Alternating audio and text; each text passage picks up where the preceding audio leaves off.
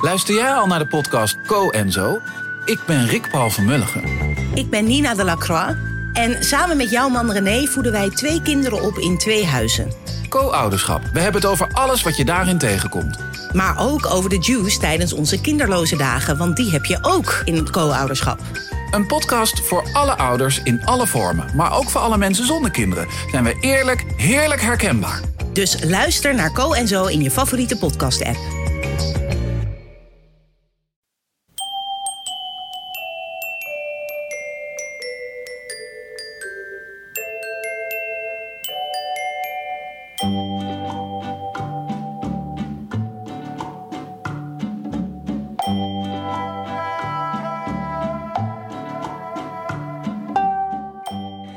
Welkom bij aflevering 105 van de Echt Gebeurd podcast, waar waargebeurde verhalen worden verteld door de mensen die het zelf hebben meegemaakt. In deze aflevering het verhaal van Shanti Udo de Haas. Het thema van de middag was vlees en bloed.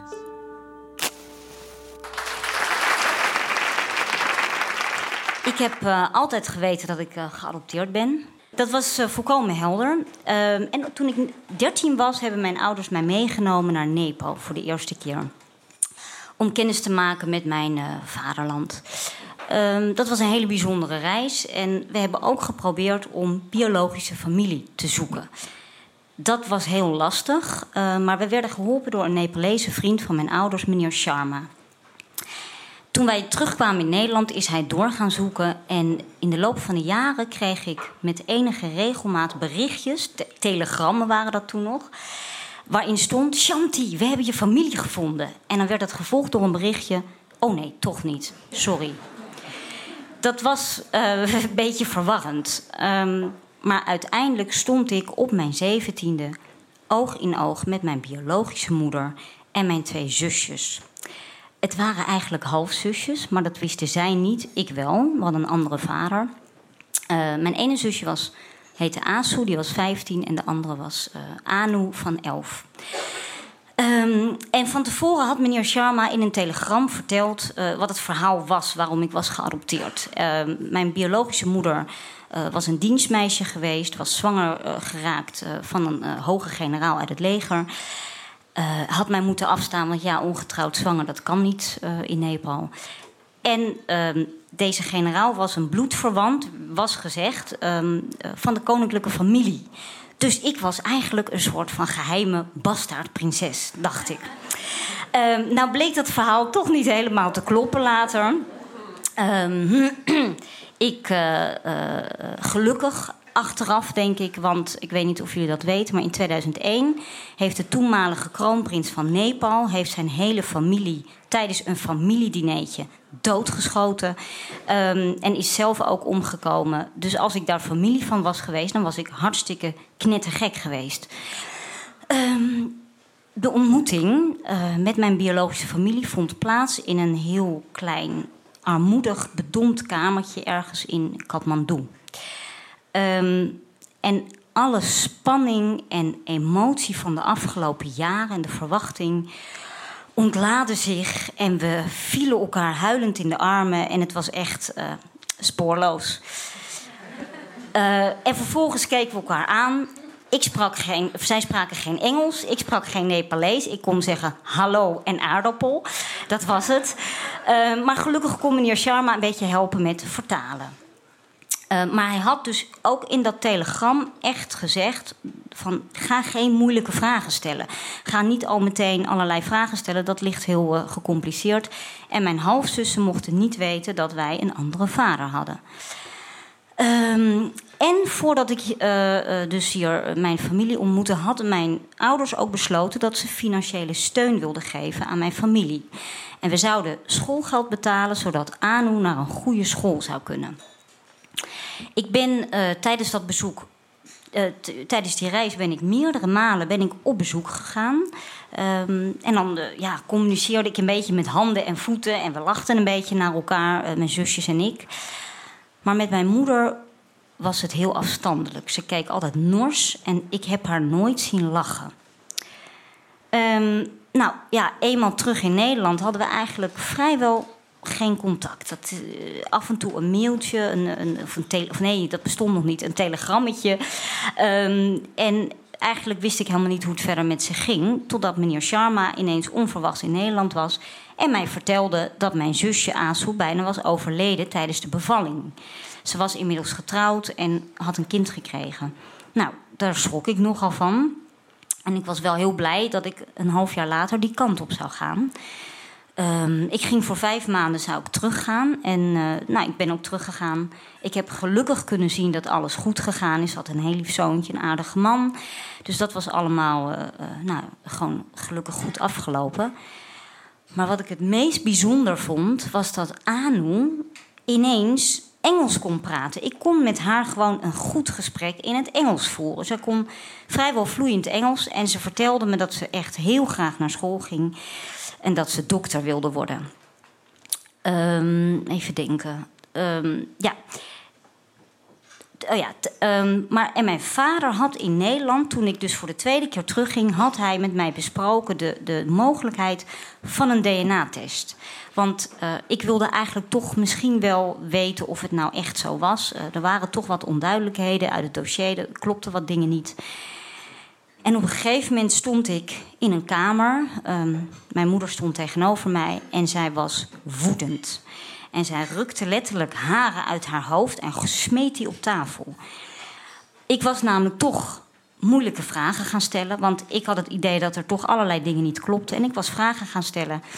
En dat, ze begrepen ook niet wat een DNA-test was. Dat bestaat daar helemaal nog niet. Of nu misschien wel, maar toen niet. En, um, en ik dacht alleen maar, ik wil gewoon de waarheid weten. Dus ik heb die haren toch gepakt, in de envelop gedaan, meegegeven aan twee Nederlanders die in Nepal woonden. Die gingen terug naar Nederland. Die hebben het twee dagen later bij mijn ouders voor de deur uh, nou ja, overhandigd in Leiden. Um, daar, daar woont. Dus dat verhaal van net is niet van mij trouwens. Nee. Uh, had ik niet moeten zeggen, Leiden, maakt niet uit. Ze overhandigde uh, die envelop. Mijn ouders zijn ermee naar het laboratorium gegaan. Het was eigenlijk een soort uh, estafette, alleen er was geen medaille, want er kwam geen uitslag. Het, was niet, het materiaal gaf niet duidelijk aan of het nou mijn biologische moeder was of niet. Inmiddels, uh, ja, in Nepal zat ik daar nog. En ik was, het heel, ik was uh, heel erg in de war van die hele situatie. En ik wilde gewoon even geen contact uh, met mijn familie. Dus ik, deed, ik had me gestort op vrijwilligerswerk en ik was de taal aan het leren. En mijn vriend was overgekomen en samen hebben we nog heel lang daar rondgereisd. En gewoon ja, met de kinderen in het weeshuis gespeeld. Maar aan het einde van die vijf maanden, in de laatste twee weken heb ik al mijn moed bij elkaar geraapt en ben toch weer teruggegaan naar het huis van mijn moeder. Um, en ja, het was natuurlijk heel raar, want ik liep binnen alsof er niks gebeurd was. Terwijl, uh, ja, het was een hele gespannen situatie. Maar ik wilde per se toch nog een laatste poging doen om die DNA-test voor elkaar te krijgen. En mijn vader had een setje meegegeven met, uh, waarmee je bloed kon prikken uit de vinger, heel makkelijk. En die had hij meegegeven aan mijn vriend. En we kregen haar zover om de week daarop bloed te geven. En we kwamen terug die week daarop. Ik was heel uh, zenuwachtig, maar ik voelde me ook heel naar. Mijn moeder was er niet, mijn biologische moeder. Maar Anu was er wel. En die was vijandig, ze was boos. En ze stelde mij de vraag: Maar wat als we geen familie zijn? Zien we elkaar dan nog terug? Uh, ja, ik, ik, ik wist dat die vraag ging komen. En ik kon, niet, um, ik kon hem niet beantwoorden. Ik wilde hem niet beantwoorden, maar ik kon op dat moment niet gewoon denken: oké, we houden contact. Dat kon ik niet. Ik rook letterlijk alleen maar bloed. Ik wilde bloed zien en wegwezen. Want ik, was, uh, ik wilde gewoon de waarheid weten. En uiteindelijk heeft mijn biologische moeder geweigerd. Ze zijn zonder bloed weggegaan. Maar het antwoord was eigenlijk inmiddels al duidelijk uit de dossiers. En uh, er was meer informatie. En het klopte gewoon niet. Dus ik wist van dit is niet mijn biologische moeder. En we zijn best wel een beetje ontgoocheld teruggekomen thuis naar Nederland. Waar ik in ieder geval van mijn Nepalese bruine broer wist. En mijn twee Hollandse blonde zussen dat zij eh, geen biologische familie waren. En dat was op dat moment ook wel een beetje een geruststelling. Want ik was in Nepal, kon ik bij iedereen denken: oh, is dat iemand, is dat familie? Ehm, en ik heb, ik, heb mijn, eh, ja, ik heb ze nooit meer teruggezien in Nepal. Maar ik denk regelmatig terug aan ze. En dan hoop ik echt dat het Anu toch gelukt is om ja, door te studeren en dokter te worden. Dank u wel.